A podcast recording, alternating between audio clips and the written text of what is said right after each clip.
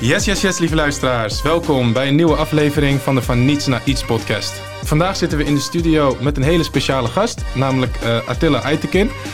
Um, Attila is de oprichter van um, Orange Games, Triodor Software, um, de Dutch Dream Foundation en natuurlijk Azerion. van zijn generatie is hij de eerste uh, multiculturele lichting die het VWO heeft gedaan. En via een kleine omweg is hij afgestudeerd uh, in Tilburg. Ja. Hartstikke mooi. Um, Attila start als, um, ja, als, als jonge, uh, jonge man met ondernemen. Um, met een softwarebedrijf en dat doet hij heel succesvol.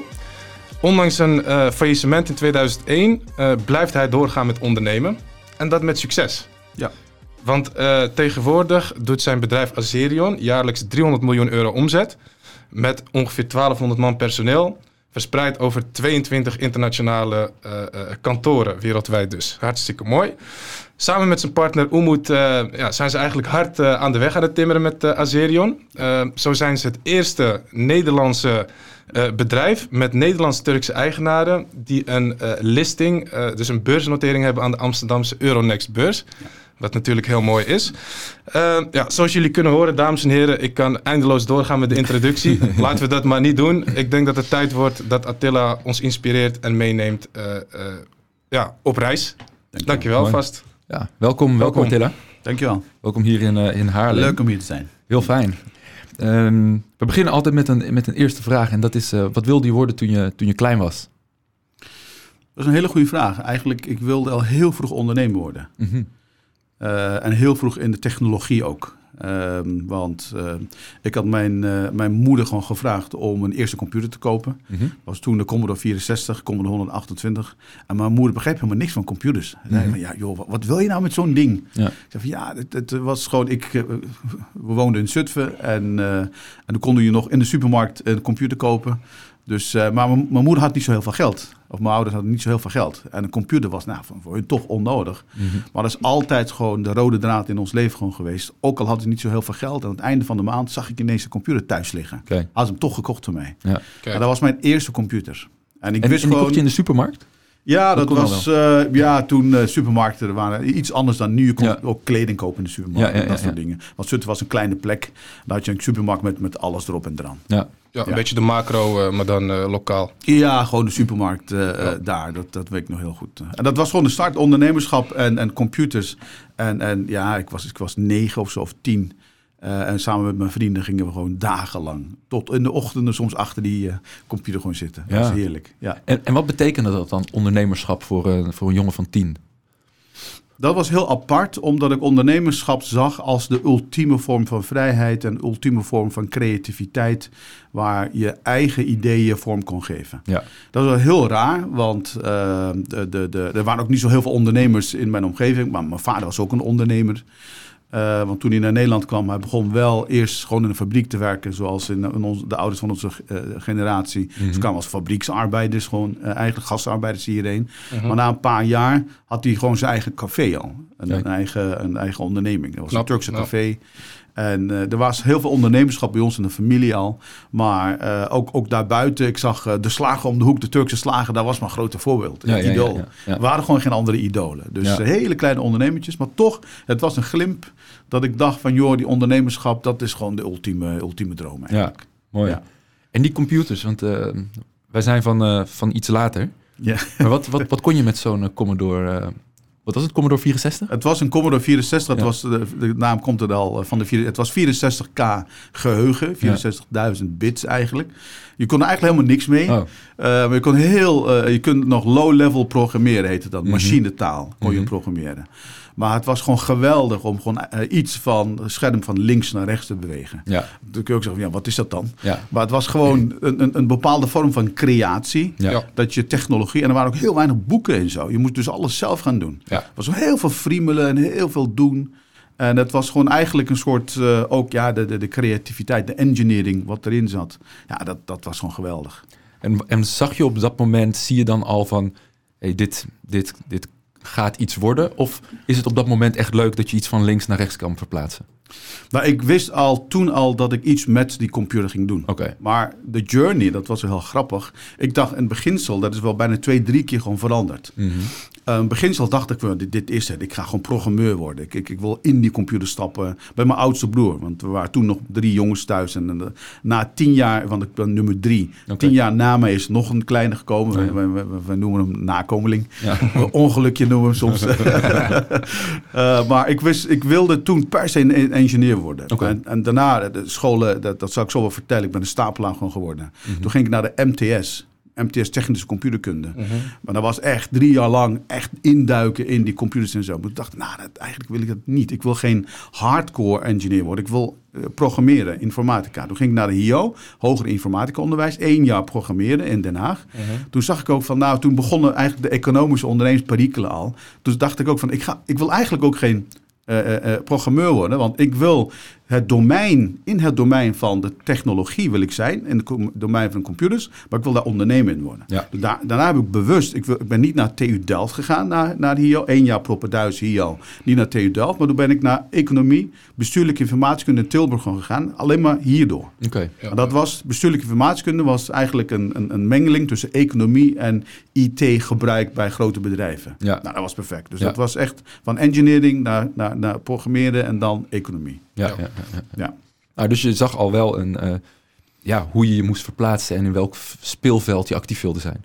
Ja, ik had, ik had toen wel een echt, echt een, ik, ik was een, een, een, een eh, ik had een eigen wil. Dus ik wilde, ik wist wel wat ik gewoon wilde doen. En, en eh, het domein vond ik gigantisch mooi, gigantisch. Maar op een gegeven moment wilde, wist ik ook van, oh ja, dit is wel mooi. Maar ik, nou ja, met bijna zo'n printplaten toen, printplaten zitten solderen en dergelijke, zo hardtech, dat wil ik juist niet. Programmeren en dan eh, eh, ook doen en dan ervaren wat het is. Ja. Eh, en daarna toch keuzes maken. Dat is altijd in mijn leven als ondernemer ook geweest. Die keuzes gewoon echt voor jezelf gaan maken. Ja. En als je af en toe een foute keuze maakt, ook niet gaan zitten huilen. Want het was jouw keuze. Nee, daar leer je natuurlijk ook Ja. van. Ja. En, en, en hoe was je als leerling? Ja, dat was heel grappig. Ik was in Zutphen, waren wij, zat ik op de, de enige... maar Het was de zwarte school, maar het was de Turkenschool eigenlijk. Mhm. Um, en waarom? En in die tijd, dan heb ik het al, ik ben in 1972 hierheen gekomen. Uh, negen, ik ben geboren in 69. En mijn ouders hadden toen de, de, het idee, of iedereen die generatie, we gaan terug. Dus mijn ouders wilden dat wij ook Turks gingen leren op de school. Er was een Turkse leraar die maar twee uur les, Turks les per week gewoon gaf. Maar ja, dat was voor mijn ouders gewoon voldoende. En ook alle, an, Turk, alle andere Turkse ouders, om alle kinderen uh, naar die school te, te Ja. laten gaan. Professor Koonstamschool heet dat dan. Ja. Maar ja, dus alle Nederlanders uh, gingen hun uh, kinderen weghalen. Ja, ja, ja. En we hadden op een gegeven moment bijna 90% Turkse leerlingen. En, en toen vochten we gewoon eigenlijk ook met, uh, met vochten bedoel ik dan, uh, een soort competitie begonnen in die hele, uh, hele stad. Maar je was altijd tegen de hele stad. Mm. Want als je ging schoolvoetballen, was iedereen tegen jouw school. Oh, ja. Als je ging volleyballen, was iedereen tegen jouw school. Maar dat, dat gaf ook een bepaalde interne cohesie bij de kinderen. Ja. Maar wij, wij, gingen vechten, wij moesten gewoon winnen. En dat was echt uh, heel mooi. Tot de zesde klas. En wij, wij mochten geen CITO doen, omdat ze dachten, nou ja, van joh, CITO, uh, ze kunnen het toch niet. Dus laten we maar psychologische toetsen doen. Oh. Dus ik was de enige die een psychologische toets had gewoon gedaan. En ik mocht naar de VWO. Okay. Mijn generatie. Mijn oudste broer, dus vier jaar ouder dan mij, die was ook op de VWO. Maar hij was toen met een groep Nederlandse leerlingen naar de VWO gewoon gegaan. Hij werd niet gepest. Mhm. En, en na mijn oudste broer is die hele school veranderd in een echte Turkenschool. Ja. En toen ik van de VWO naar, of uh, van de lagere school naar die VWO ging, was ik de enige Turk. Met al die, zeg maar, uh, de pestende omgeving ging ik naar de VWO 1. Ik was er één. En ik Extra weet, knap. Het was, ik ging zitten en niemand zat naast me. Ook niet voor mij of naast, uh, achter ja. mij. Ik had zo'n briefje, 1C, weet ik nog heel goed. Uh, aanwezig zijn in 1C. En vijf minuten later, uh, je bent al heel erg eigenlijk als een paria. Je Mhm. mm -hmm. kijkt rond. En vijf minuten later kwam de conductor. Zei, Attila, opstaan. Oh, waarom? Ja, neem je spullen maar mee, we gaan naar een andere klas. En iedereen kijkt je aan, je bent net 12-jarig. Hè? En dan uh, zit je. En op een gegeven moment zaten we in die, in die hal en zegt van uh, ja, je zit bij 1C, maar een paar Nederlandse ouders hadden geprotesteerd, die willen geen Turk in de klas hebben. Dus je gaat even naar 1F. Ja, als 12-jarige, je begint al te bibberen en je, je, wordt, je bent al een paria. Ja, dan ben ik naar de wc gewoon gegaan. Gewoon keihard gewoon gehuild. Ja. Ja. Want ja, je bent al onzeker. Ja, ja, ja, ja. Maar toen was dat wel zo van, joh, ik, ik, ik ga dit wel doen. Ja. Maar toch, het was een bijzonder zwaar jaar. Maar die, ik, con, die, die conrector is niet gecanceld in die tijd? Nee hoor. Dat, dat was, cancelen uh, deden ze nog niet? Nee, dat, Nee. uh, toen was het nog van, Dat ja...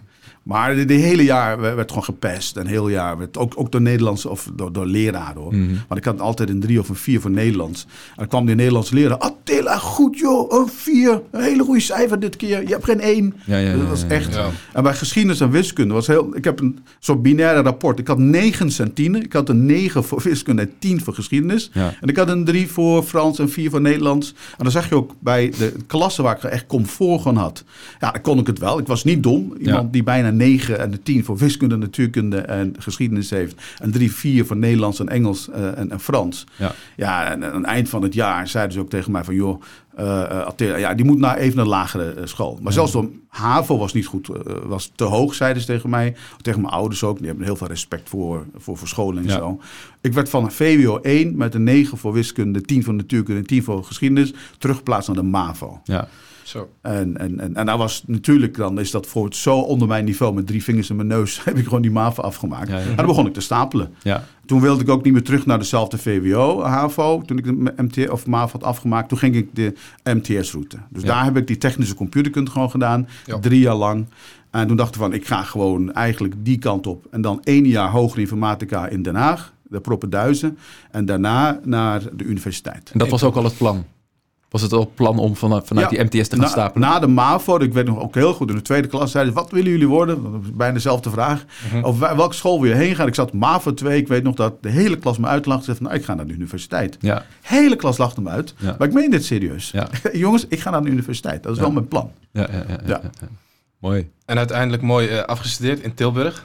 En ja, ja gewoon eh, niet cum laude, maar wel gewoon bijna een 3,5 jaar. Dus ik- Ja. ik was niet dom. Ja, maar ik kon wel heel hard werken. Dat was... eh, Ja, dus je hebt op een gegeven moment heb je dat eh, mooie van eh, de, de, de, de hardware, software gecombineerd met een stukje economie. Ja. Gaf je net aan. ja. Ehm, wa- wat wilde je eigenlijk worden toen je eh, afstudeerde in Tilburg? Had je al een idee welke kant je op wilde? Of was je misschien al begonnen tijdens je studie met, met, met, met een bedrijfje of iets in die richting? ja, ik was al ondernemer, maar het was gewoon meer eh, eh, hapsnap ondernemerschap. Ik verkocht t-shirts, ik verkocht spijkerbroeken. Hmm. En ik ging gewoon eh tennisrackets spannen voor geld. Want hoe oud was je toen je met de eerste, laten we zeggen, de onderneming begon? Oh ja, nou, ik was al 15, 16 begon ik Dan al. Ja, auto's verkopen en dat soort dingen. Maar het was gewoon echt continu gewoon... eh, niet in een echt bedrijf of zo, maar gewoon meer ondernemende Ja, ja, ja. continu. Ja. En ik wilde... Mijn droom was gewoon universiteit afstuderen... en dan rond de vier, vijf jaar bij een groot bedrijf werken. Heel, heel veel ervaring. Mhm. En daarna gewoon eigenlijk ondernemen. Dat was Ja. mijn droom. Ja. Toen ben ik afgestudeerd en ik ben toen al eh, heel snel in aanraking gekomen met, eh, met baan. Met baan software. Dat was toen een, een beurs, nou, net een beursgenoteerd bedrijf. Heel groot bij de, de baangebroeders. Mhm. Ook een film over gaan gekomen. Eh, eh, gereformeerd, kwam in Lunteren eh, te werken. Lunteren, Barneveld, die kant op. Maar ze mochten me wel, want ik was iemand die gewoon bijna 20 uur gewoon op kantoor zat. En ik werd nog opgesloten op kantoor, omdat de beveiliging om 8 uur naar huis ging. En zei van, joh, we moeten naar huis. En ik, ik, ik, ik, was aan het werk. Ja. Hoe bedoel ja, je 20 uur op kantoor? ja, ik, ik kon gewoon doorgaan. Oh ja, ja, ja. ja, Ja, dus om acht uur kwam de beveiliging. Die, die heeft me opgesloten. Die zei van, wij willen naar huis, maar we, hebben, we moeten je dan opsluiten. Ik ben toen opgesloten gewoon geweest. De hele nacht gewoon ben ik daar wel even op een bank gewoon geslapen. En zo. De volgende Ja, ochtend ging ik naar een van de directeuren. Ik zei van, joh, ik ben opgesloten gewoon Ja, ja, geweest. ja, ja, ja. Ja, die hebben... Wat- welke functie deed je toen binnen dat ik was gewoon een eh, consultant. Je begint gewoon Oké. als een entree consultant. Ja. Maar dat was gewoon perfect voor mij, want ik was ook goed in presenteren toen al.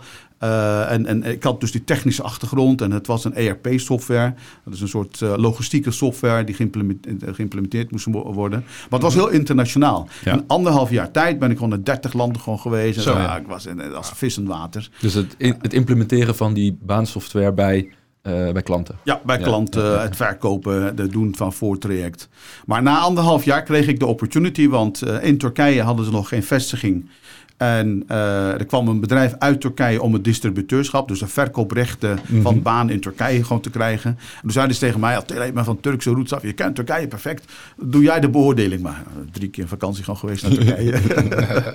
en eh, tijdens de beoordeling kwam bij mij gewoon die lichtjes, die spreekwoordelijk, oh, dit moet ik gewoon zelf doen. Je zag kansen. Ik zag kansen meteen. Toen ging ik meteen naar de directeur. Ik zei van, joh, weet je, ik heb gekozen voor mezelf. Eh, ik wil zelf naar Turkije. Ik wil zelf gewoon een bedrijf opzetten. Met baan of... eh, Ja, gewoon als gewoon mijn eigen bedrijf. En ik wilde de software van Baan in Turkije Ja. verkopen. Ah, Ze wilden eigenlijk ja, ja. doen wat, wat eh, die club Ja. eh, Ja. Gewoon vragen. Ja, toen zei de directeur van de tele, ben je gek? Want, hadden ze, want ze ik had zelf allemaal regels opgezet. Ze moesten minimaal 50 man hebben, zoveel omzet. Wat best een zware software. Hij zei, oh, nou, al de regels dan die ik zelf heb opgesteld. ik zei van, nou ja, joh, ik moet toch wel... Eh, als je me gunt, wil ik dat doen. Toen zei hij ja. Oké. En achteraf hoorde ik van dat, eh, dat, dat ze dachten van dat Tela is een hele goede vent. Hij werkt keihard. We gunnen hem. Hij komt toch zes maanden later terug. Hij is op zoek naar een avontuur. Ja, maar dat was mijn, uh, was mijn doorbraak. Maar ik had mijn vrouw nog niet verteld. Oh, ja. Dus ik moet ook nog naar huis. En dat was de grootste opgave. Want dat betekent ook eh, verhuizen? Of ja, niet? Toch? Ja, ja, ja. ja, maar toen uh, dan heb ik het over 1995, mhm. waar internet nog niet echt heel goed was en telefoon duur. En ik ging naar huis en ik zei, uh, mijn, huis, of, mijn vrouw was ook afgestudeerd, zij is afgestudeerd juriste. Mm Ze was al begonnen met werk.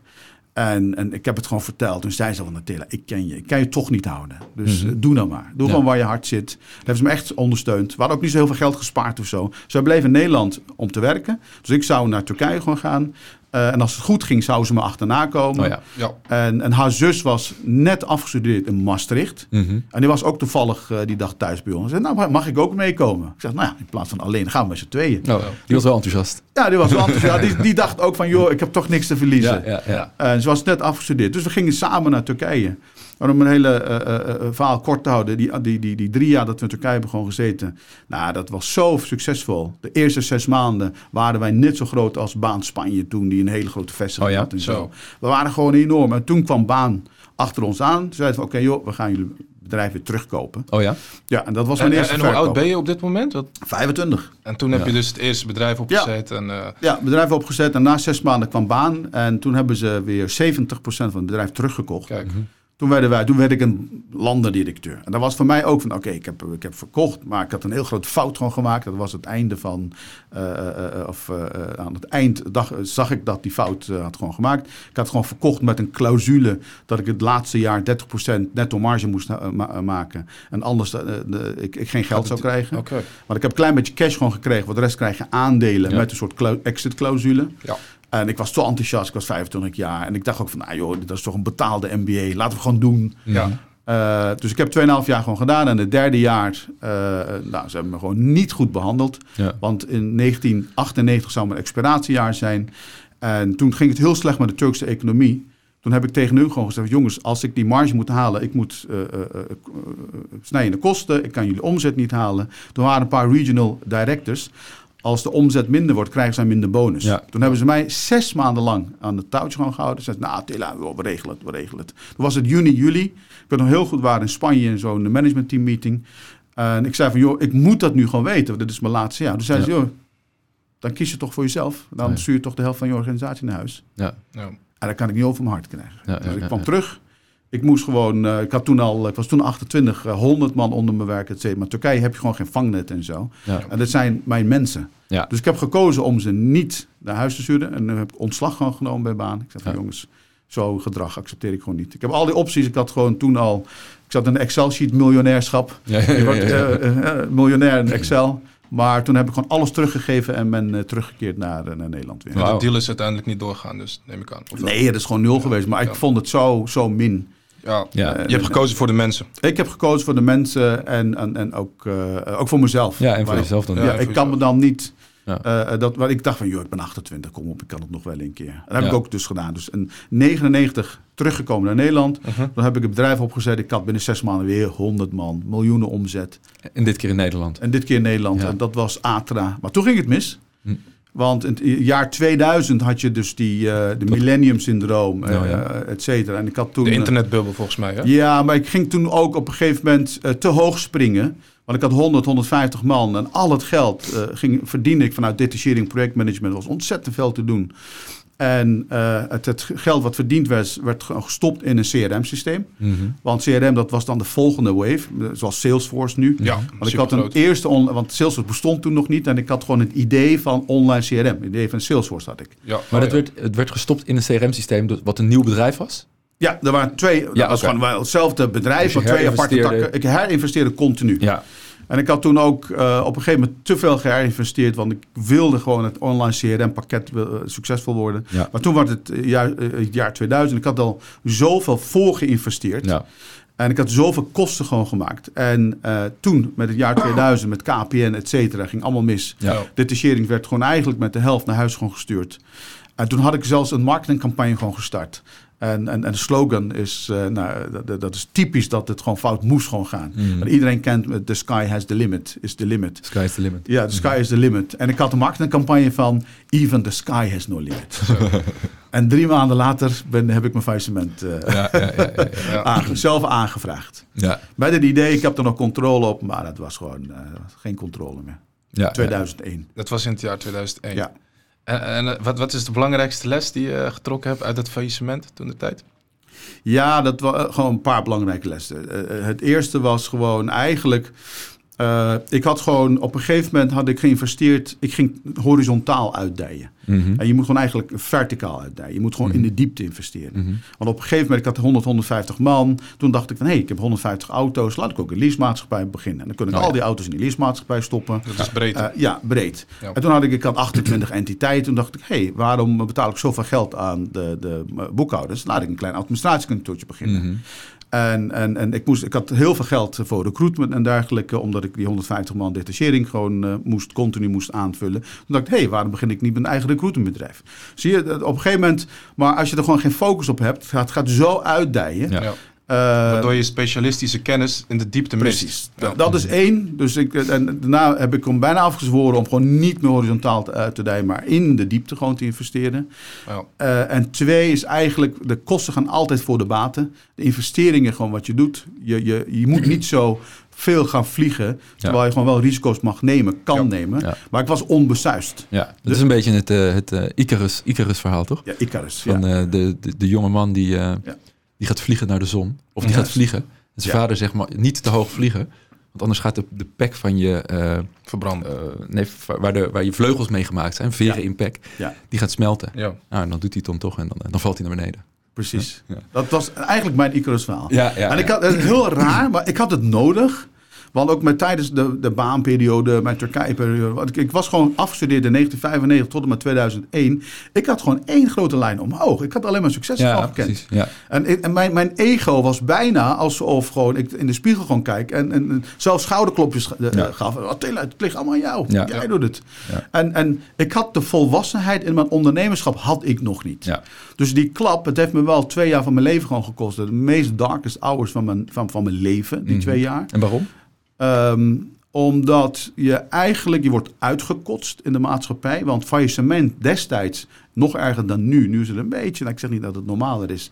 Maar als je failliet bent, dan eh, sta je gelijk aan fout. Mhm. Je zou wel iets fouts gewoon gedaan mhm. moeten hebben. Je zou gewoon of uh, uh, nep failliet gewoon gegaan zijn. Of ja, je hebt jezelf onderschat of overschat. Dus het is gewoon geen prettige reactie. Ten tweede, je merkt ineens dat mensen hebben gewoon verschillende kringen om zich heen op basis van of je persoonlijkheid of je school, et cetera, je familie.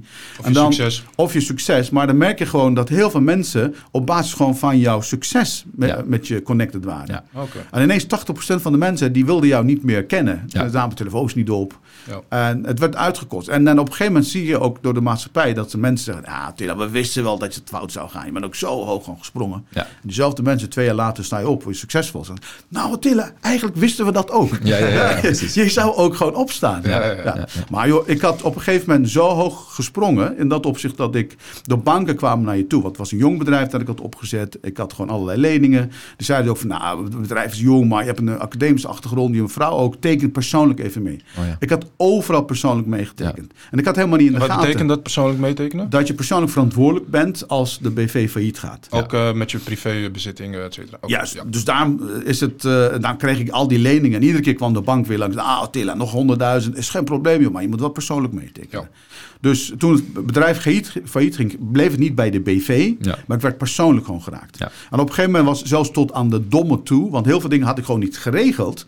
Nadat ik persoonlijk had eh, getekend, ik kon een half jaar of een jaar later, kon ik naar de BV overdragen. Maar ik was het of vergeten, ja, of het, was niet in me opgekomen. Ja. Oh, je was ook nog heel jong, neem ik aan, hè? Ik was jong en ik had geen partner. Oh. Dat was ook heel apart. Ik was alleen. Ja. Ik was compleet alleen. En dat was ook daarna een van de lessons was ook van, joh, ik ga gewoon eigenlijk met een hele goede partner samenwerken. Ja, ja, ja. En, Nieuw, en nieuwe, nieuwe lessen, nieuwe kaders. Ja. Um, maar, wat, maar wat gebeurt er dan? Want hoe, hoe oud ben je op het moment dat, je, dat het misgaat? Uh, was dus 2001, ik was 31. 31. Ja. Dus dan ben je 31, dan heb je dat hele succes in Turkije gekend. Ja. Dan kom je in Nederland, dan gaat het weer uh, voor de wind. Ja. En, uh, maar dan opeens, bam. Ja, ja, dat doet wat met je ego. Met je, ja. Het was grappig. Vraag nu aan mij naar een nieuw idee. Binnen een uur kan ik het 30 uit mijn mouw uh, schudden. schudden. Ja. Ja. Maar als je gewoon in zo'n setting gewoon zit van heel negatief, uh, et cetera. ik was gewoon totaal kapot. Ja. Uh, ik, ik, ik, schaamde, ik schaamde me ook, want ik had ook heel veel geld van vrienden. Van, thuis was gewoon een shock, want ik wilde thuis afschermen. Dus die, uh, als die ongeluk nou gewoon komt, is voor, voor iedereen een verrassing. Zo van, hé, het ging toch goed. We wisten dat, het op, dat je problemen had, maar een faillissement, dat was echt, het was ook enorme schaamte. Dus ik was zo down en ik kon gewoon een jaar lang niks doen. En iedere dag kreeg je vier, vijf incassobureaus uh, aan, uh, uh, aan de deur. Ja. Die aanbelden voor de volgende beslagname, et cetera. Ja. Op, alles hebben we kwijtgeraakt. De auto's, de huizen, de spaarpot van de kinderen zelfs. Alles gewoon. Ja. En denk je, dan, denk je dan over jezelf... Ik ben, ik, ben een, ik ben een slechte ondernemer. Of ik, weet je, hoe, hoe, hoe ga je met jezelf om ook om op een gegeven moment weer toch weer ja. een weg naar boven te zien? Ja, nou, dat is een hele goede vraag. Want op een gegeven moment, je gaat twijfelen aan alles. Maar heel raar, diep in me uh, twijfelde ik. Nee, het is als een bokser. Mhm. Je was gewoon met, met, met beide handen of één hand eigenlijk op je rug uh, uh, verbonden. En je probeerde toch staande te houden. Want de, het staande houden was zo dominant dat je niet even dacht aan ondernemerschap in Ja, Want je moest gewoon, ja, je moest gewoon overleven. Mm Mijn vrouw zei zelfs op een gegeven moment: Attila, als je nu nog één keer opstaat, je gaat ondernemen, dan ga ik echt van je scheiden. Oh ja.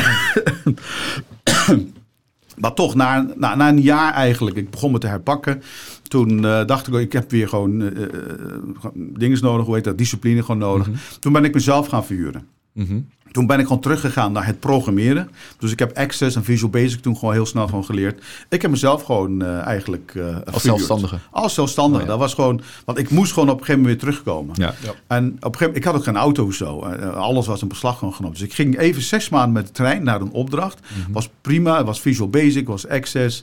En ik kon iedere maand kon ik een factuurtje gewoon sturen. Zes maanden lang alle facturen. Die werden gewoon gebruikt voor het afbetalen van de schulden en dergelijke. Wel, ja. Maar het gaf mij wel weer rust. Ja. Na de zes maanden begon het weer. Toen, het begon, toen de eerste ideeën kwamen, dacht ik, ah, oké, okay, Attila, het gaat weer. Ja, je bent weer de oude. Ik ben weer de oude. Toen ben ik gewoon alleen begonnen. En daarna heel snel gewoon uh, uh, eigenlijk met, met in aanraking gewoon gekomen. Want hij is twee jaar uh, jonger dan ik. Dat is je businesspartner, hè? Ja, ja. ja. Mm -hmm. twee jaar jonger dan ik. En hij was mm -hmm. ook toen begonnen met, met zijn businesspartner, met Jerdan.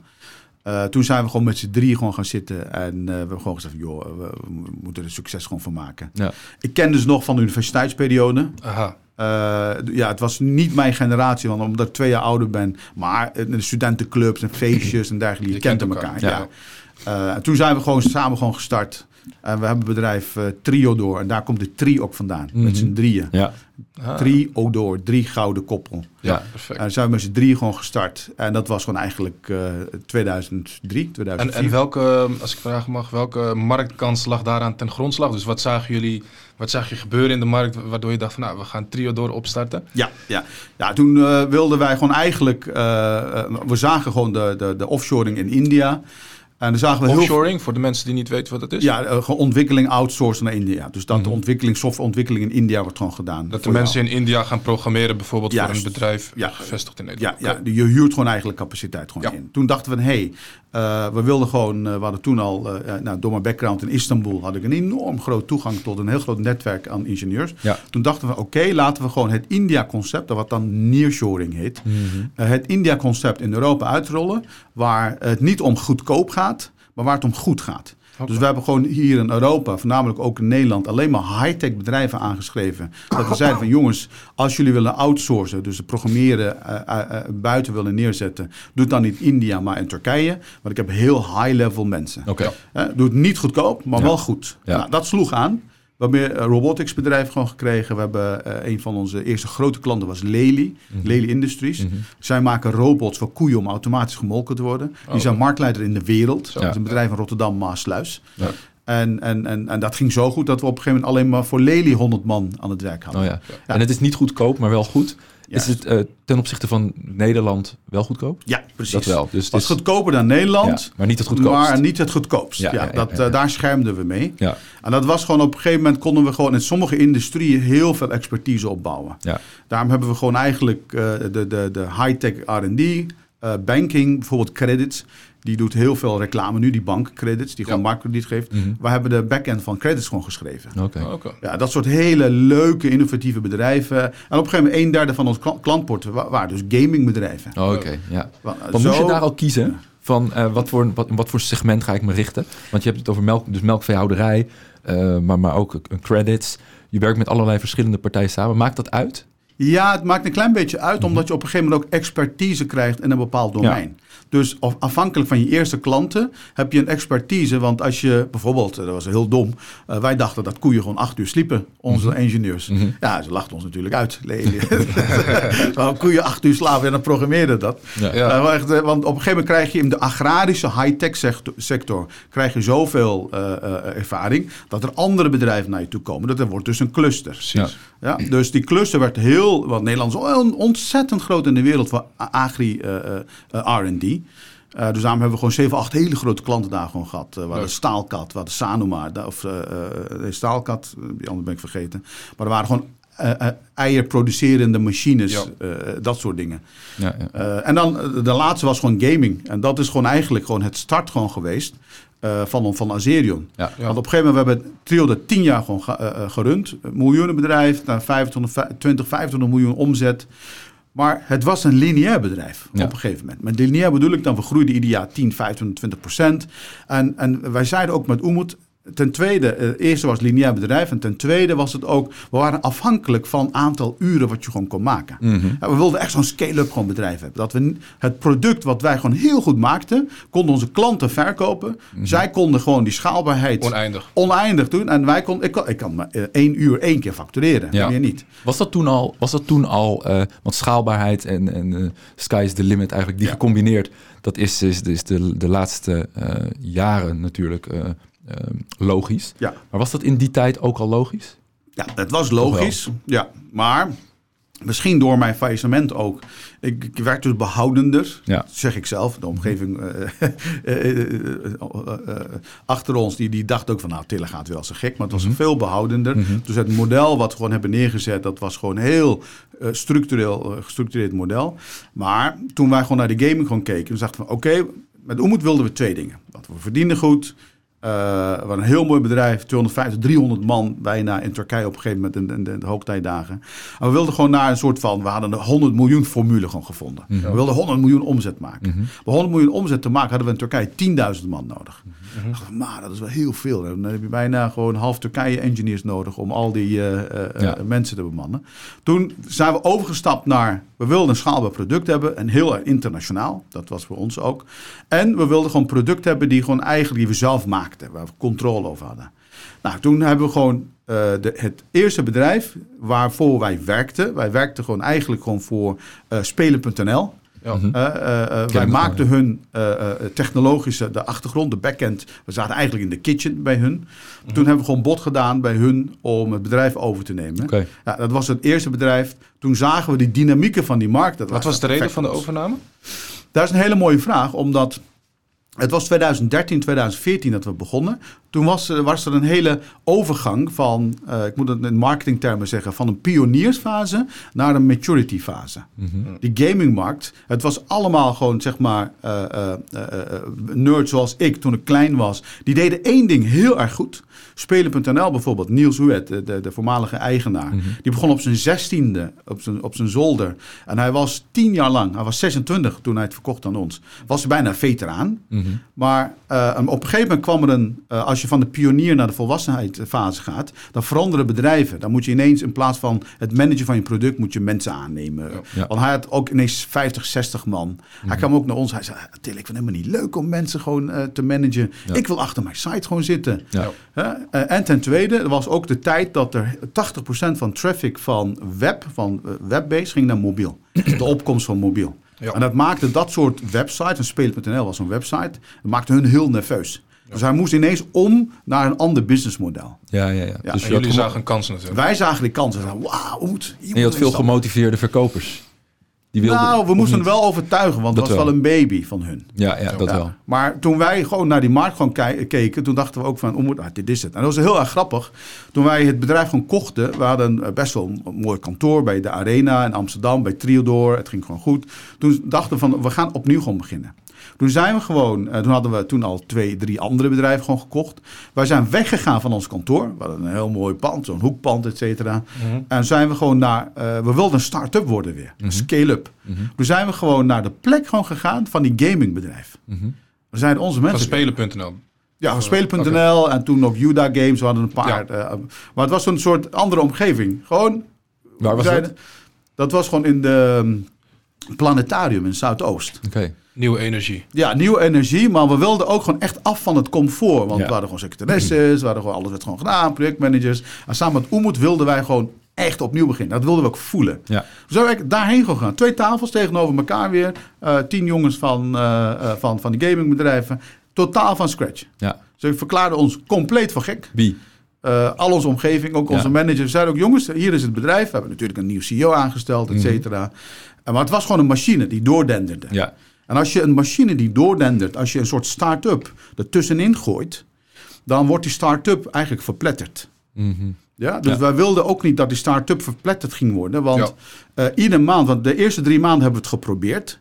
Uh, aan het eind van de maand, we, we, zeiden ook tegen een groepje programmeurs van jongens, doen jullie dit ook erbij? Want gaming moet gedaan worden. Ja. En aan het eind van de maand werd het nog niet gedaan. Ja. Zeiden ze, ja, maar joh, jij verwacht van ons dat we geld verdienen. We hebben een grote klant waar we al acht jaar voor werken. Die gaat voor.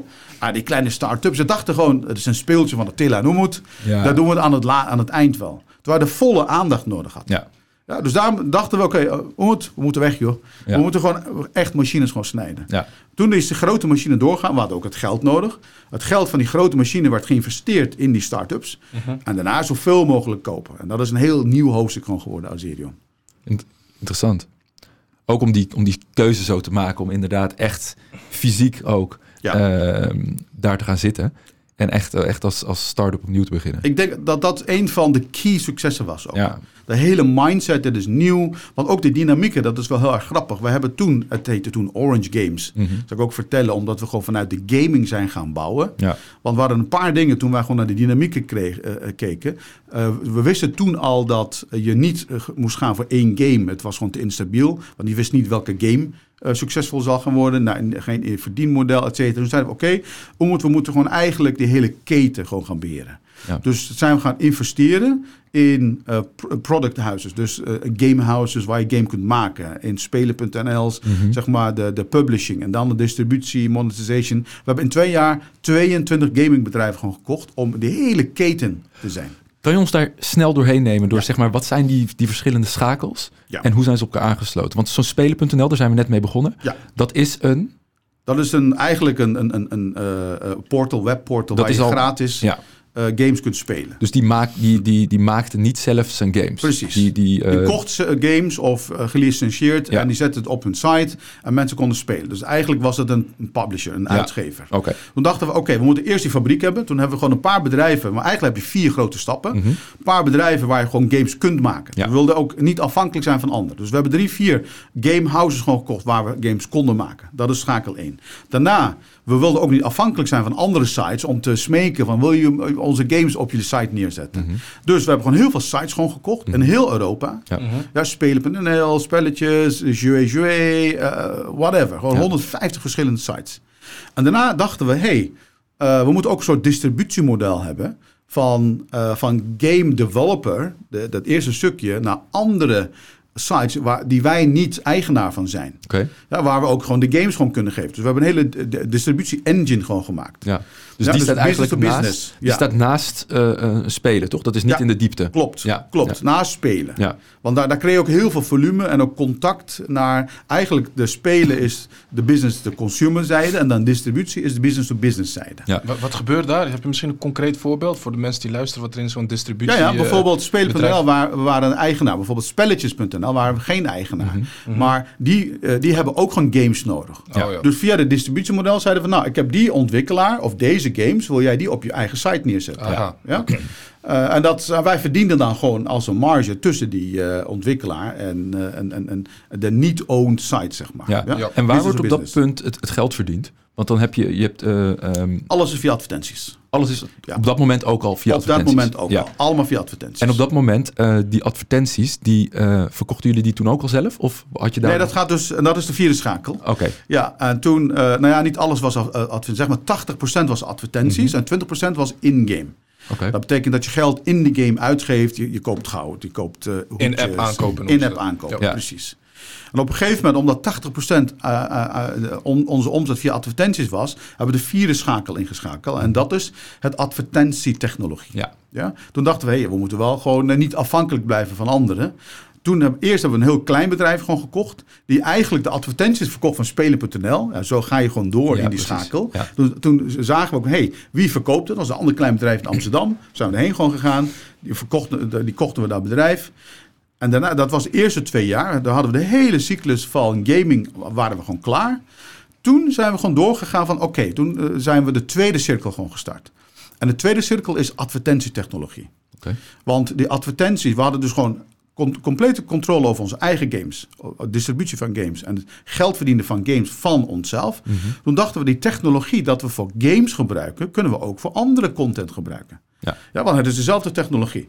Toen hebben we een heel groot overname gedaan in 2018. Dat was Improve Digital. Dat was 80 miljoen euro omzet. Zo. Ik snap nog steeds niet hoe wij het gekocht eh, kunnen hebben. Ja. We hebben het gewoon gekocht. En, en de klanten waren gewoon Marktplaats, toen de tijd Telegraaf, eh, dat soort dingen. Eh, want als je bijvoorbeeld nu.nl opent of de Telegraaf opent en je ziet daar een advertentie, dat, dat komt middels een technologie. Ja. We hebben die technologie overgenomen. Dus Ja. niet alleen voor games. Ineens werden we gewoon heel groot. Dan konden we de non-game inventory konden we ook ineens verkopen. Ja. Ja? En dat hebben we tot en met tweede. En toen, toen wij dat eh, eh, bedrijf kochten in 2018, Improve Digital heet het, dan hebben we onze naam van Orange Games en Azerion veranderd. Want eh, anders werden we te lang geassocieerd met een gamingbedrijf. Precies. Ja, precies. Ja, we zijn nu, Azerion is eigenlijk een technologiebedrijf met games erin. Ja. Maar we zijn een pure, game, pure technologiebedrijf. Ja. En vanaf 2018 tot 2021 zijn we dan doorgegaan met het opkopen van technologiebedrijven. En dan, eh, dan wordt het een hele cirkel. Ja. dus we hebben nu enorm veel technologie, daarom heten we ook een platform. Ja. Alle inventory, dus inventory betekent dus in principe plekken waar je advertenties kunt laten eh, zien. Eh, ongeacht welke platform het is, zelfs op een tv, al die advertenties en dergelijke, online. Dat kan op onze platform en via ons platform kan het gewoon gekoppeld worden aan een adverteerder. Ja. Ja? Zo. Mooi. En, en dat is Azerion op dit Ja. moment. Dat Fantastisch. is, dat is een, denk ik een hele mooie uiteenzetting van hoe die, die verschillende schakels bij elkaar komen. Ja. Ehm, wat, wat ik hoor is ehm, nou ja, een heleboel eh, overnames. Ja. En, en eigenlijk een visie ook van waarom je dat doet. Ja. Maar hoe, hoe gaat dat in zijn werk? Want je ziet, eh, je, je ziet bedrijven, nou, ik, ik snap het in dit geval, dat zijn vaak al bedrijven die een connectie hebben met hetgeen wat je al hebt. Precies, Dus je weet al dat het werkt. precies. Maar toch, hoe, hoe, hoe doe je dat? Ehm, hoe financier je het bijvoorbeeld? Kon konden jullie het financieren uit je eigen andere bedrijven? Of eh, kan je op, op, op zo'n mo- mo- moment eh, met een bank praten? Ja, ja, dat is een hele goede. Mhm. Met de bank niet. Oké. Zal ik ook vertellen waarom, want we groeien te snel voor een bank. Mhm. Dus daar, en we wilden ook niet afhankelijk zijn. Dus eh, we zijn met Oemoed eigenlijk, we hebben gewoon drie, eh, eh, vanaf het begin. We hadden een visie dat we het ge- geïntegreerd moesten gaan doen. Echt zo'n buy-and-build strategie. Want je moet het wel binnen een bepaalde tijd doen. Ja. Want die, die- de- als je in online zit, dan je kunt er geen 20 jaar over doen. Dus zeiden we ook binnen vijf jaar moeten we 100 miljoen bereikt hebben met Ja. een buy-and-build strategie. Ja. En met een exit strategie. Dat is heel apart. Ook, ook nog. Want Triodo was niet exitable. Dat betekent Triodo was te, te veel met onze persoonlijkheden, met onze personen verbonden. Toch wel. Ja, we hadden in, want als je te lang een bedrijf hebt en die, eh, de- die teert alleen op jou, dan kun je het niet verkopen. Ja. Dus we hebben gewoon vanaf het begin gewoon gezegd, we gaan een onafhankelijk model bouwen waar we ieder moment of kunnen verkopen of naar een beurs kunnen gaan, et cetera. Mhm. We zeiden we, uh, het is heel raar om een bedrijf te beginnen en meteen te schreeuwen, ik wil het verkopen. Dus we zeiden van, joh, we gaan naar de, we gaan naar de beurs. Vanaf het begin al. Mhm. En wat we gewoon gedaan hebben, dat was, dat was een, een gouden fonds. De eerste vier, vijf uh, overnames hebben we gewoon met, eigen, met ons eigen geld gewoon gedaan. En als je een bepaald volume hebt en iedere keer als we een bedrijf kochten, verkochten wij een stukje aandeel in de grote holding, de topholding, die de moeder was van alle bedrijven. Oké. Oh ja, Ja? Zo financier je het. Ja, dus de kleine ondernemers, we we gaan met kleine cash en dan, aandeel vanuit de holding. En iedere keer als je een bedrijf koopt, wordt de waarde steeds groter. Wordt steeds makkelijker om aandelen uit te geven. Oh. Ja, ja, ja. En de kleine aandeelhouders die wilden ook op, die geloofden ook in die droom. Nu zeggen ze nog steeds, eh, we snappen nog steeds niet waarom we jullie geloofd hebben. Mhm. Maar ja, het is toch gewoon goed gekomen. Uh, dus we hebben op een gegeven moment, we hebben tot nu toe 50 overnames gewoon gedaan. Ja. En bijna 40 van, van hun zitten nog steeds in het bedrijf. Oh, kijk eens. Dat is wel grappig. Dat Ja. wij gewoon, eh, ik denk ook dat wij de enige bedrijf zijn met zoveel ondernemers aan boor- boord die naar de Ja. beurs zijn gewoon gegaan. Ja, ja, ja. Ja, we hebben echt al die ondernemers wel gewoon op een andere mindset. Want als je ondernemer is gewoon eigenlijk eh, per definitie eh, eigenwijs. Per definitie wil die het eh, zelf doen. Maar we hebben gewoon iedereen wel gewoon Overtuigd. overtuigd dat we gewoon de waarde van al die bedrijven gezamenlijk gewoon in die topholding moesten neerzetten. Ja. Ja. En dat ze mee moesten werken aan, aan het geheel. En daarom is onze DNA van het bedrijf heel ondernemend gewoon gebleven. Ja. Ja, mooie visie. Ja. Ja. Ja. Een an- andere vraag die ik dan heb is, als je zoveel overnames doet, je, je hebt het over 40, 50 op Ja. een gegeven moment, ehm, wat is je relatie dan nog tot, tot zulke bedrijven? Want- Want in hoeverre weet je, heb je er contact mee? Eh, in hoeverre ken je ze? In hoeverre ja, eh, kennen ze jou? Ja, persoonlijk ken ik ze bijna allemaal, omdat ik verantwoordelijk was en ben voor de overnames. Mhm. En dat is ook vanaf het begin hebben we eigenlijk de bedrijven twee groeisnelheden eh, gesplitst. En dat was ook een van de succesfactoren. Ja. Eh, was van de organische groei, van de businessgroei en de integraties. En ik was van de inorganische groei. Mhm. Dus van de acquisities, van de financieringen buiten. Ja. Ik was verantwoordelijk voor alles voor buiten en Umut was alles voor binnen. Oké. En dat werkte perfect. Ook het hele bestuur hebben we ook zo in twee gewoon gedeeld. Perfect. En, ehm, en daarom, ik met mijn team, eh, samen met Joost, die is eh, de chief, eh, zeg maar, overnames. Wij doen alle eerste gesprekken met acquisities. Ik ken ze allemaal persoonlijk. En, eh, en, en als zodra we ze hebben afgerond, dus daarom ken ik ze ook allemaal persoonlijk, maar niet het hele bedrijf, alleen de eigenaren. Als het, over, of, of als het gewoon gekocht is, dan dragen we het over aan het team van Oemoed. Oké. Ja? En die gaat dan integreren, dan zijn wij ook gewoon klaar. Ja, ja. En het is natuurlijk zo, kijk, ik ken eh, niet alle 1200 man meer Nee. in het bedrijf. Nee, nee. Maar wel alle overnames die we gewoon gedaan hebben. Eh, ja, zo'n bedrijf wordt altijd gewoon gerund door een hele sterke middenlaag. Ik ken alle middenlagen. Mhm. Dus 100, 150 man ken ik. Maar daaronder is het onmogelijk om eh, iedereen meer te kennen. Uiteraard, ja. Ja. Fantastisch verhaal tot nu toe. Dus we, zijn- we hebben gezien hoe Triodor software is opgezet. Vervolgens de eerste klanten binnenhaalt. En daaruit ja, ontstaat eigenlijk spelen.nl. en spin-off. Ja, Spin-off, de focus op spelen.nl en alles daaromheen zorgt ervoor dat Azerion eh, floreert en extreem Ja. groot wordt. Ja. Met alle overnames. Ik denk dat dat een heel mooi eh, eh, verhaal is voor het eerste deel van deze podcast. Ehm, misschien wel leuk om nu over te gaan naar de snelle rubriek. Oké. Wat is de snelle rubriek? Ehm, we stellen drie vragen en dan mag je kort op antwoorden. en dan komen we daar later nog een keer op terug. Ehm Arie, doe jij de, eerste. rubriek of zal ik eh, die oppakken? Nou, stel je zou een Ja. andere onderneming opzetten op dit moment. Wat zou dat dan zijn? Helemaal los van wat je, wat, wat je al doet, waar je al in zit. wauw, dat is wel een hele, hele grote. Ehm, poeh, ik zou wel echt... Misschien in de logistiek. Ja? Ik wil, ja, en, en, en, en, de, eh, de, de air industry eigenlijk, in de vliegtuigindustrie. Dat, Oké, dat vind ik mooi. wel. Aviation. Ja, Aviation, ja, interessant. Ja, ja. Nou, een, eh, een, een beetje een brutale vraag. Voor welk bedrag zou je Azerion direct verkopen? Dat kan ik niet zeggen. Dus. Die verwachten we wel. Ja. Een minder brutale vraag. Eh, met welke tech-ondernemer zou je graag een kop koffie willen drinken? Of een, wellicht eh, een willekeurig ondernemer, hoeft niet per se. een Ja, dat is wel grappig. Ik heb daar gewoon geen uh, dings. Ik heb, ik, heb, ik heb geen idolen of zo. De slagerij van vroeger. eh, Dat was gewoon mijn Op grootste dit idool. moment geen. Nee, nee, maar ik heb gewoon, kijk, wat ik wel gewoon gemerkt heb, hoe meer je in ondernemersland komt, hoe, gro- hoe, hoe groter je wordt en hoe meer, zeg maar, je in bepaalde kringen komt, zie je gewoon dat het ook allemaal gewoon mooie stervelingen gewoon zijn. ja, En dat, dat, dat, het beginsel was de CEO van Philips of zo gewoon een halfgod voor mij. Ja. Tijdens de universiteit. Eh Eckhard Winsen was toen eh, de oprichter van BSO.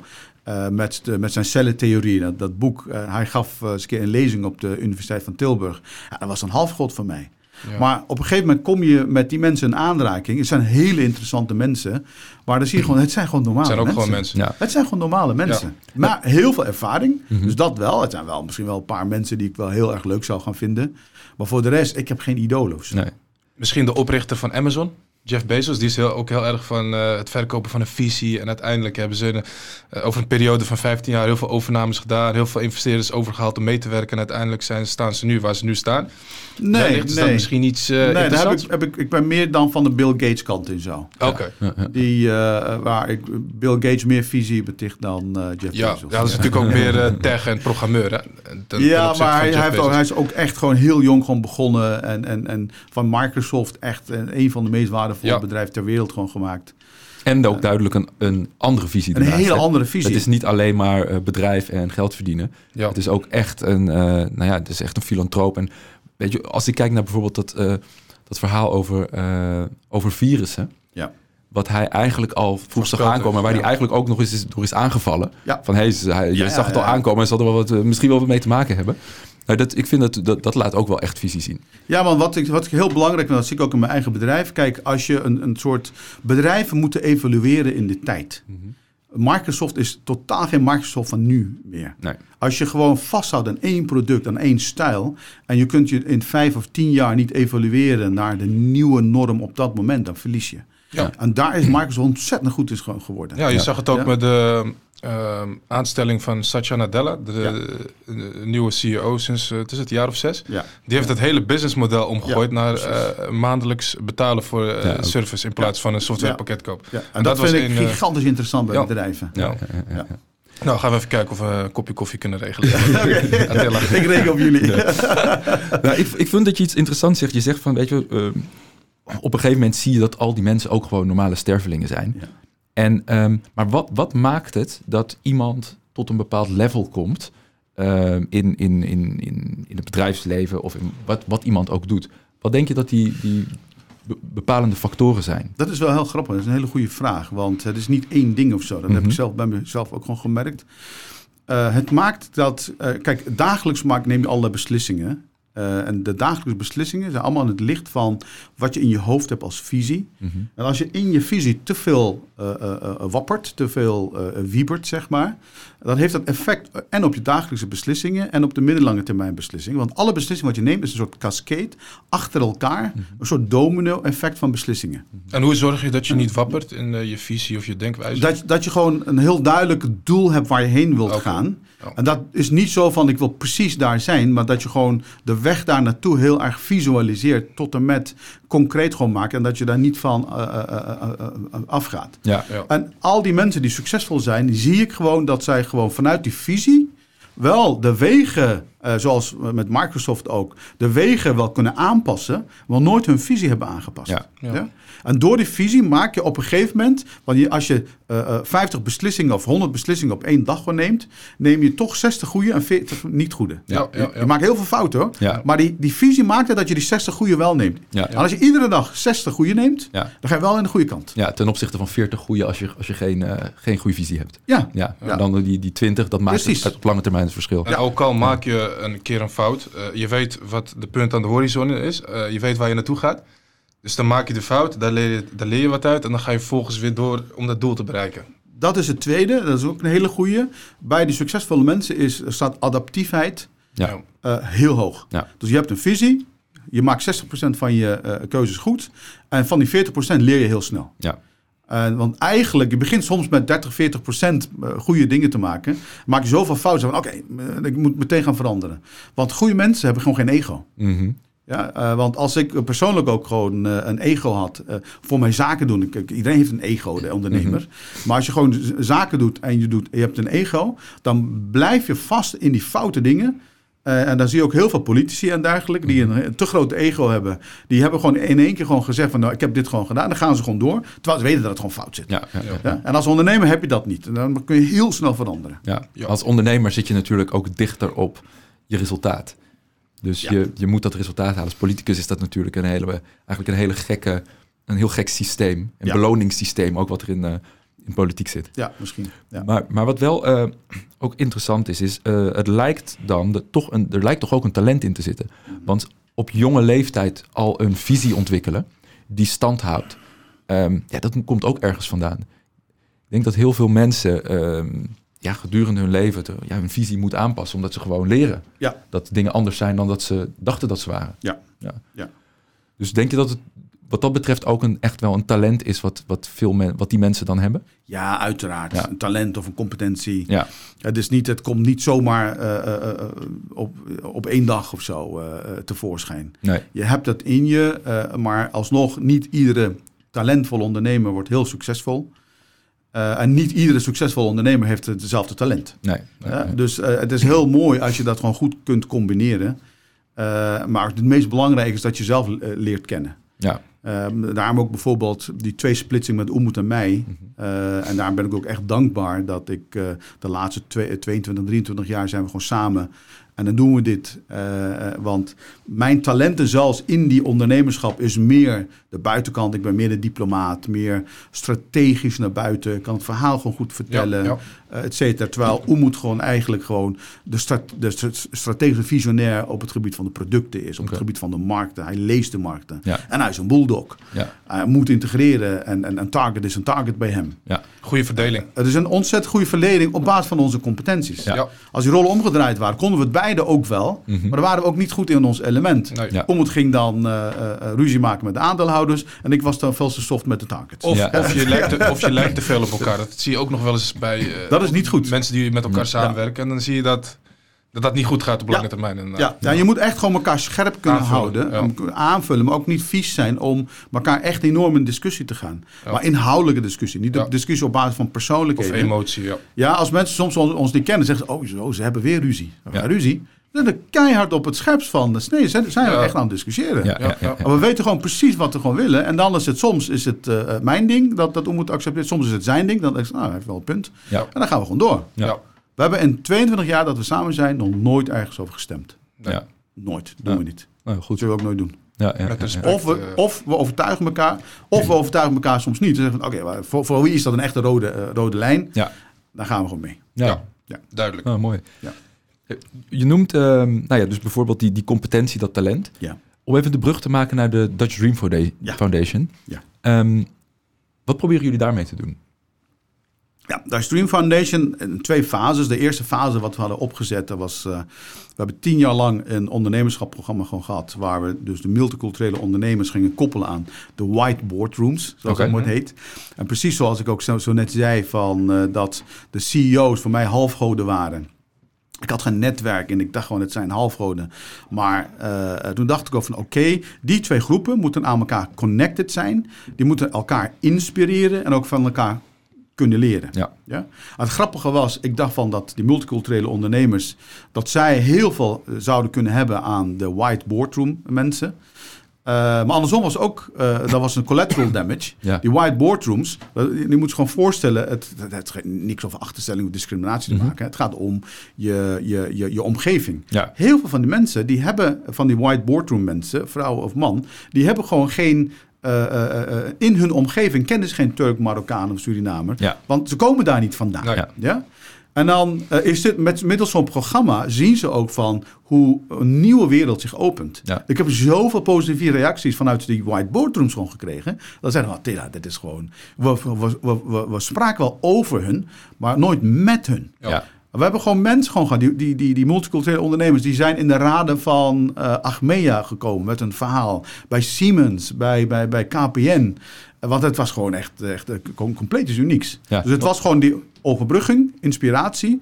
En wat ik ook gewoon gemist had, gewoon het netwerken. Ja, precies. In mijn eigen tijd, de, de, de slagers, nou, dat was gewoon mijn Mhm. idool. Ik had geen ander netwerk. Dus het was gewoon ineens een netwerk van, eh, van ondernemers en CEO, whiteboard rooms. Dat hebben we tien jaar lang gewoon gedaan. Met Ja. een enorm groot succes. Ja.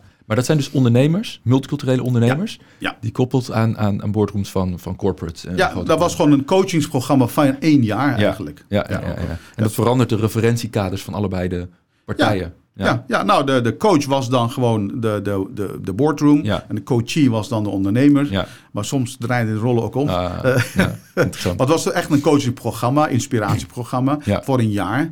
En dat werd dan eh, eh, aan het eind afgesloten met een Dutch Dream Award en zo. Ja. Heel mooi. We gingen één keer per jaar met, met iedereen naar, naar het buitenland. Ook inspira- inspiratie. We zijn naar Turkije gegaan, naar Rusland, leuk. naar, naar, naar, naar Marokko. Ja. Eh, heel veel Polen, heel veel inspiratie op gewoon gedaan. Roemenië. En dat was, dat, je zegt dat is het eerste deel? Ja, want we hebben eh, drie jaar geleden zijn we eh, gestopt. Want op een gegeven moment moet je een formule ook altijd weten te stoppen. Mhm. Eh, we hebben toen tien jaar lang 220 ondernemers geconnect aan, eh, aan whiteboardrooms. Heel positief verhaal. Hebben we een mooi rapport over geschreven. Daarna zijn we begonnen met jongeren. We dachten van oké, laten we gewoon eh, jongeren een soort inspiratie, een model creëren waar jongeren die keuzeproces of eh, keuzestress hebben tussen 12 en 15 eigenlijk, waar ook in mijn periode, want eh, je reflecteert heel veel dingen aan je, naar jezelf toe. Mhm. Ook mijn vrouw, die is afgestudeerd eh, eh, aan de Universiteit van eh, ehm, Nijmegen, juridisch eh, eh, of eh, hoe heet dat, rechten gewoon gestudeerd. Zij is na de lagere school naar de huishoudschool gestuurd. Oh ja. Ook stapelaars gewoon geworden. Ook tussen Ja. 12 en 15. Maar het eh, nadeel was, toen we net begonnen, begon COVID. Oh. Alle scholen gingen dicht. Ja. Eh, en alleen maar projecten online doen, ja, dat, dat ging Dat niet. is anders. Ja. Ja, dus we hebben gewoon er even on hold gewoon gezet. Ja. De Ashwin Foundation is er nog steeds. Maar we hebben twee, drie projecten gewoon gedaan. Inspiratieprojecten. Om al die jongeren in de achterstandswijken eigenlijk te helpen met, eh, met, met, met keuzes en dergelijke. Koppelen aan rolmodellen. Maar dat is een beetje on, on hold gewoon gezet. Ja. Maar dat gaat binnenkort weer beginnen. Mooi. Want welke factoren denk je dat het meest impact kunnen hebben op, eh, op, op het zelfvertrouwen en succes van, eh, van, jongeren die, die misschien een multiculturele achtergrond hebben? Ja. Wat denk je dat, dat er echt belangrijk is waar we, waar we met z'n allen iets aan kunnen doen? Ik denk, de, de, de eh, rolmodel, het woord is een, eh, is een beladen woord in die zin. Het is een, bijna een soort negatief elitair woord. Maar goede voorbeelden. Ja. Goede voorbeelden dat de, de, de, ehm, de, het kader van die mensen, van die jongeren, eigenlijk met positieve voorbeelden eh, gevuld kan worden. Dat zegt, nou ja, kijk eens, het kan dus. Ja. Kijk, als je nooit een voorbeeld hebt gewoon gezien. Kijk, wat ik heb meegemaakt, ik ben in 2001, daar heb ik dus die faillissement meegemaakt. Mhm. Alle huizen ingeleefd en dergelijke. We hebben toen een jaar lang in Amsterdam-Noord gewoond. In een sociale wijk. Waar we in principe gewoon via de gemeente een huis konden krijgen. Eh, eh, ik zat allemaal bij, we zaten helemaal aan de grond. Daar heb ik gewoon gezien. Eh wonen, eh, derde verdieping, eh, alleen maar gewoon buitenlanders. Daar heb ik gewoon gezien dat de referentiekader van mensen ook gewoon anders, Anders is. is, ja. Want als je iedere dag uit zo'n wijk komt en je gaat naar de school in dezelfde wijk, je hebt geen andere voorbeelden. De jongeren die, die, die denken echt van, ik kan helemaal geen dokter worden. Dat kan helemaal niet. Ja. Ik kan helemaal geen ondernemer worden. Dat kan niet, want het bestaat niet in die referentiekader. Niemand is dat hier. Ja, niemand is dat hier. Kijk Ja. maar, we komen kan toch dat ook niet worden. Ja. Dus het stellen van goede voorbeelden en ook dat dit voorbeeld een van hun is, Ja. dat hij kan zien. En dat is zo, dat is zo'n verrijking. Ja. En dat hij gewoon alleen maar gewoon een gesprek gewoon heeft. En dat je gewoon een, een inspiratie kunt ge- geven van, joh, het kan. Ja. Want ik heb het ook gewoon gedaan. Ik kom ook uit die buurt. Het kan, als je het maar wilt. Ja. Ja, dat is, eh, dat is meer dan eh, duizend eh, projecten of eh, eh, cursussen bij elkaar. Ja. Gewoon die ene voorbeeld. Dus eigenlijk zeg je dat iedereen massaal naar de Van Niets naar Iets podcast moet luisteren. Uiteraard. Met alleen maar multiculturele ondernemers die het verhaal delen. Ja, ja. Oké. Mooi. En eh, dat is dan eh, de Dutch Dream Foundation. Nu heel even on hold, binnenkort eh, weer oppakken. Yes. Geef je aan? Ja. En als we dan eh, ja, toch nog even teruggaan naar de Azerion. Hè? Het, eh, ik had het in de intro al even over. 300 miljoen omzet jaarlijks. Eh, gigantisch mooi bedrijf. Ehm, wat zijn je ambities voor de toekomst? Wat is de droom voor wat betreft het eh, bedrijf? Ja. Nou, kijk, wij zijn naar de beurs gewoon gegaan met een bepaalde bedoeling. Mhm. Eh, kijk, eigenlijk zou je de beurs gewoon moeten zien als een financieringsbron. Mhm. Ja, het is een financieel instrument. Ja. Je, je, je probeert gewoon investeerders te interesseren om jouw aandelen te kopen. Ja. Zodat als je gewoon eh, nog eh, sneller wil gaan groeien, dat je gewoon toegang tot kapitaal gewoon hebt. Ja, je bent ook gecertificeerd in dat opzicht. En daarom ook met banken en dergelijke. We gingen tijdens de groei van Azerion. Wij groeiden zo snel voor de reguliere banken. Als wij een aanvraag indienen, waren zij negen maanden bezig met die aanvraag. En in die negen maanden waren we gewoon alweer verdubbeld. Ja. Dat konden ze niet aan. Ja. Dus daarom hebben we ook gezegd van nou, laat maar. Duurt veel te lang. Duurt veel te lang. Ze snapt ons niet. Ik heb zelfs een bankdirecteur gewoon aan tafel gewoon gehad. Zei, Attila, willen jullie alsjeblieft een jaar minder groeien? Dan kunnen jullie financieren. Ja, ja, ja, Ik ja. zei, dan heb je gat in je hoofd. Ja, nou, die, Ja, dus in dat opzicht, we zijn naar de beurs gewoon gegaan om onze groei te financieren. Volg, dit jaar al, dus dat kan ik wel zeggen, hebben we gewoon gecommuniceerd dat we 450 miljoen omzet gaan doen. Ja. Organisch, Mhm. zonder bedrijven over te nemen. Ja. Dus van 300 gaan we al naar 405. Dat is al een enorme groei. Ja. Ehm, de waardering op dit moment waar we naar de beurs zijn gegaan is tussen de 1,1 en 1,3 miljard eh, eh, Ja. waarde. Mooi, mooi. Eh, de wens is om binnen twee, drie jaar eigenlijk gewoon een dominante speler op dit gebied te zijn in Europa. Mhm. Ja? En, en, en, en de waardering qua multiples e- enorm te verhogen. En daar mag ik gewoon eh, niks over zeggen. Ja. Eh, la- laat maar zeggen dat ik gewoon, als wij binnen vijf jaar gewoon een vijf keer hogere waardering gewoon krijgen, dan hebben we het gewoon goed gedaan. Ja. Ja? Dus je wil ongeveer naar de 6,5 miljard eh, waardering. En daar gaat mee gepaard, denk ik, een omzet van een miljard. Dat Als zeg we, jij als, allemaal. Als, als we even schatten. Dat zeg jij allemaal. Ja, ja. Ja. Nou, maar het gaat niet om de waardering of zo. Hè. Het gaat meer om de, de, de grootte van het bedrijf impliceert een bepaalde waarde Ja, en precies. waardering. Dus het gaat wel zo. Kijk, we willen gewoon, eh, dat kan ik wel zeggen, in een- tijdstermijn van drie tot vijf jaar willen wij groeien naar een, een, een miljardenbedrijf. Ja. We zijn nu honderden miljoenen bedrijf. Dit Ja. jaar 450 miljoen. En binnen drie tot vijf jaar moeten wij naar een miljardenbedrijf kunnen groeien. En wil je, dat dan, wil je dan dominant worden? Want daar heb je het over. Dominant te spelen. Wil je dan een dominant speler in Europa worden? Of eh, wereldwijd? Kijk, Hoe, we eh, zijn, de omzet komt wereldwijd. Ja. Ja. onze games worden wereldwijd gewoon gespeeld. En de Mhm. adverteerders, die komen uit de hele wereld. Ja. Eh, als als, als eh, de, de, de, de spijkerbroeken uit Amerika gewoon eigenlijk hier adverteren... dan adverteren ze wel in Europa, maar dat is een Amerikaanse klant. Dus Ja, onze omzet, hebben we, een heel groot deel, komt al uit Amerika. Ja. Maar als een speler in Europa die technologie biedt voor eh, zeg maar online klanten, dan willen wij dominant worden in Europa voor die technologie als eerste. Ja, ja, ja. En op een gegeven moment zullen we uiteraard ook die, die, die stap naar Amerika maken. Eh, maar niet om dominant te worden in Amerika, maar gewoon omdat onze klanten daar ook, zo, eh, ook zijn, zullen we daar erop. ook een, ja, ook een branche gewoon hebben. Ja, Maar we willen een dominante Europese partij worden. ja, ja, ja, heel goed. Dat gaat zeker lukken. Dat gaat zeker lukken. We, hebben een, een, een- we komen aan het, richting het einde van de podcast. Yes. Ehm, maar we hebben een belangrijke vraag. Want wat is de prijs van ondernemen op zo'n hoog level? Maar dat is een hele goede vraag. Ehm, eh, het heeft verschillende dimensies, Ja. die vraag. Ehm, Wat, is het, wat, ja, wat, wat roept het bij jou op als ik die vraag stel? nou kijk, ten eerste, vanaf het begin heb ik altijd het credo gewoon gehad... als je niet bereid bent om iets op te offeren, word je nooit succesvol. Ja? En wat is opofferen? Opofferen is tijd voor je familie. Opofferen is je eigen inzet. Ja. Eh, opofferen is je eigen entertainment. Dat je in plaats van, nou, je kan ook lekker uitgaan, je kan ook met je vrienden gewoon iets doen, je kan ook voetballen kijken. Eh, maar dat je gewoon zo opofferingsgezind bent ten, ten, ten wille van het succes. Ja. Dus in dat opzicht een hele hoge maat van opofferingsgezindheid. Mhm. Eh, niet meer naar verjaardags gewoon gaan, niet meer je ouders kunnen zien, niet meer sommige eh ontwikkeling van je kinderen kunnen zien. Ja?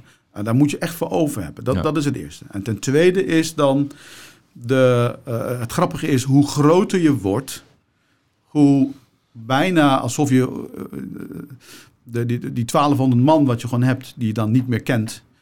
Ik zeg niet hoe geïsoleerder je wordt, maar dat komt ook gewoon door die beurs en dergelijke. Je mag niet alles meer communiceren. Hoe kleiner de groep wordt waar je mee gaat optrekken. Mhm. Eh, want op een gegeven moment hebben we het nu echt over 20, 30 man. Mijn directe peers is eigenlijk gewoon terug van die 1200 man naar 20, 30 man. Ja. Daar praat je gewoon continu gewoon mee en daar exchange je mee. En, eh, en een derde is, je kunt je gedachten niet zoals vroeger gewoon zomaar brainstormen. Mhm.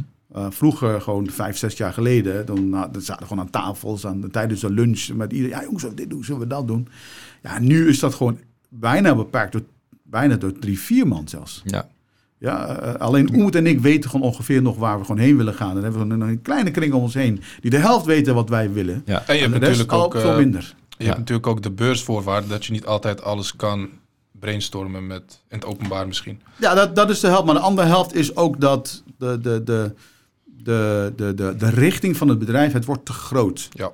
Je kunt niet als een speelbal en nu naar links en nu naar rechts, et cetera. Dus het is heel veel samen. Je moet ook, kijk, mensen, hoe groter het bedrijf gewoon wordt, hoe minder eh, eh, rare dingen eh, mensen gewoon verwachten. Dus je moet gewoon veel meer uitkouwen. Ja. Je moet veel meer nadenken. Want er zijn ook heel veel dingen die je gewoon bespreekt en niet doet. Ja. Uh, want ja, dat is juist brainstormen. Strategie is heel veel praten, heel veel brainstormen. En uiteindelijk zegt, nou oké, doe ik toch maar niet. Ja. Doe toch iets anders. Ja? Ja, Maar dan, niet heel veel mensen kunnen daar tegen. Ja. Ja, want als je, kijk, hoe groter het bedrijf wordt, hoe meer het woord van een CEO of een founder steeds belangrijker wordt. Uh, want soms hebben we het niet in de gaten. Dan zeggen we iets. Drie dagen later komen we terug. Dan hebben ze het gewoon gedaan. Ja. Waarom, waarom heb je dat gedaan? Ja, maar jij zei dat toch? Ja, maar, het is maar een idee geweest. Ja, ja, Waarom doe je dat nou? Snap je? Dus dan letten wij ook, dan krijg je een soort autocontrole. Dat je de dingen waar je denkt niet altijd meer deelt. Dan denk je, nou, ze gaan het toch doen. Ja, precies. Ook al is een idee, de founder of de CEO zegt het. Dan wordt het meteen gedaan. Dus op brainstormen krijgt consequenties die het eerder niet had. Je houdt rekening met uh, eventuele scenario's. Nou, dan hebben we het gehad over de ja, over de, de, de, de prijs die je betaalt hè, voor uh, het, het ondernemen, het punt waar je nu bent gekomen. En dan die drie elementen die daarin belangrijk zijn geweest. Heb je mooi toegelicht, dankjewel daarvoor. En als we dan uh, ja, echt de podcast gaan afsluiten, dan hebben we nog altijd één laatste vraag die we stellen. En die, uh, die luidt als volgt. welke drie adviezen zou je mee willen geven aan mensen die wellicht willen gaan ondernemen of iets anders willen gaan doen, maar het nu nog niet doen? Drie korte adviezen. Welke zouden dat zijn dan? Ja, kijk, ten eerste is, um, uh, uh, na mijn faillissement was ook een vraag. Werk altijd aan de continuïteit van uh, je, je omzet. Dat is een hele belangrijke. Want heel vaak mensen hebben gewoon één project, twee project. En, en, en, daarna als er geen project gewoon komt, heb je gewoon geen continuïteit. -huh. Als voorbeeld, heel snel, wat ik bijvoorbeeld heb gewoon gedaan toen ik weer zelf begon te ondernemen. Uh, samen met Oemoed en dergelijke. We kregen een, een project van, uh, van 100.000. -huh. Uh, toen zeiden van nee, ik wil dat voor 50.000 doen. Nou, de klant schrok en zei van, nou, ben je me aan het bedonderen? Uh, voor de helft van de prijs. Zei, nee, nee, maar, maar, ik wil, maar ik wil drie keer 50.000 euro hebben ieder jaar. Ja? ja? Dus voor mij is dat pakket van 150.000. Daar kan ik in één keer drie, over drie jaar iets uh, uh, uitsmeren. Slim. De klant zei oké, maar uiteindelijk, omdat je bij de klant bent, heb ik wel ieder jaar weer 100.000 gewoon gedraaid. Omdat oh, de klant toch extra dingen wil, omdat hij gewoon tevreden is. Maar ik had, ik had ineens een continuïteit. Dus we hebben altijd gewerkt aan continuïteit. Ja. Dat is één. Dat is één. Tweede is eigenlijk, um, als je niet, nou, nou, dat is wel weer mijn verhaal. Als je niet bereid bent om op te offeren, begin dan geen, geen ondernemerschap. Ja. Het valt altijd tegen. De, de Porsche die op een gegeven moment die je ziet bij sommige ondernemers, dat is het eindstation, niet het beginstation. Ja. Je, moet, je moet willen kruipen voor je ondernemerschap. Ja. Het gaat eigenlijk altijd anders dan je gedacht hebt. En als je gewoon niet aanhoudt, dus dat is het, het aanhouden, mhm. dan, uh, ook al heb je de beste idee, je moet willen aanhouden. Ja, ja dus eerst kruipen, dan lopen. Ja, en dan pas rennen. en dan pas rennen, inderdaad. Oké. Okay. Ja, en uh, heb je misschien nog een mooi bonusadvies, uh, derde punt? Ja, ik, zou, kijk, ik heb heel veel gehad aan mijn partnership. Mm -hmm. uh, dus, en, en, en het kan ook zo zijn dat je gewoon alleen bent en dergelijke. Maar partnerships, als je een foute partner hebt, dan breekt het heel snel. Mm -hmm. Maar als je een goede partner hebt, dan ben je de king. En dan kun je gewoon eigenlijk de hele wereld. En waarvoor doet een goede partner aan? Een goede partner vinden die wat was de vraag? Waar, de, waar een goede partner aan voldoet. Want je zegt, je moet wel ah, de goede, de juiste ja, partner ja, ja. hebben. Nou ja, gewoon uh, ten eerste uh, niet 100% met 1000% vertrouwen. Mm -hmm. Dat je elkaar gewoon vertrouwt en anders zijn. Mm -hmm. Want een partner moet jou aanvullen. Ja. Als je ja. echt precies dezelfde persoonlijkheden bent. Je moet ook niet bang zijn om in discussie te gaan. Ja. Ja? Uh, dus vertrouwen, andersoortige partners, maar ook met dezelfde attitude. Want als de ene zegt, nou, ik doe het als een part-time en de andere heeft gewoon een, een all-in mentaliteit, dan wringt het ook. Ja, gaat niet werken. Ook. Dat gaat ja, ja, ja, Dus we hebben drie gouden adviezen. Eén is zorg voor de continuïteit van je omzet. Twee, ga er absoluut 100% voor. Ja. Uh, maar wel eerst kruipen, niet meteen vliegen of rennen. Ja. en drie, uh, probeer het met de juiste partner te doen. Die, uh, waarbij je elkaar aanvult en niet elkaar in de weg loopt. Ja. ja. Fantastisch. Mooi. Het was een zeer inspirerend verhaal. Dankjewel. Um, Mooie vraag ook. Ja, nou, ja. Dank, dankjewel. Ik denk dat um, net zoals dat je, jij zegt, um, weet je, we hebben, we hebben voorbeelden nodig denken wij dat ook. Daarom zijn we er begonnen. Daarom hebben we jou ook uitgenodigd. Dankjewel. En uh, ik denk dat, uh, dat je voor onze generatie ook in ieder geval een heel mooi voorbeeld bent. En voor vele anderen. Dus dankjewel voor, uh, voor je komst. En we, houden, we houden alles in de gaten. Dankjewel. We houden alles in de gaten. We gaan je absoluut blijven volgen inderdaad. En wellicht als het bedrijf drie keer in waarde is toegenomen... en wellicht die grens van een miljard omzet is doorbroken... mogen we dan misschien uitkijken naar een deel 2? Dan kunnen jullie uitkijken naar dit. Is goed. Fantastisch, helemaal goed. Dankjewel Attila. Graag gedaan. Yes.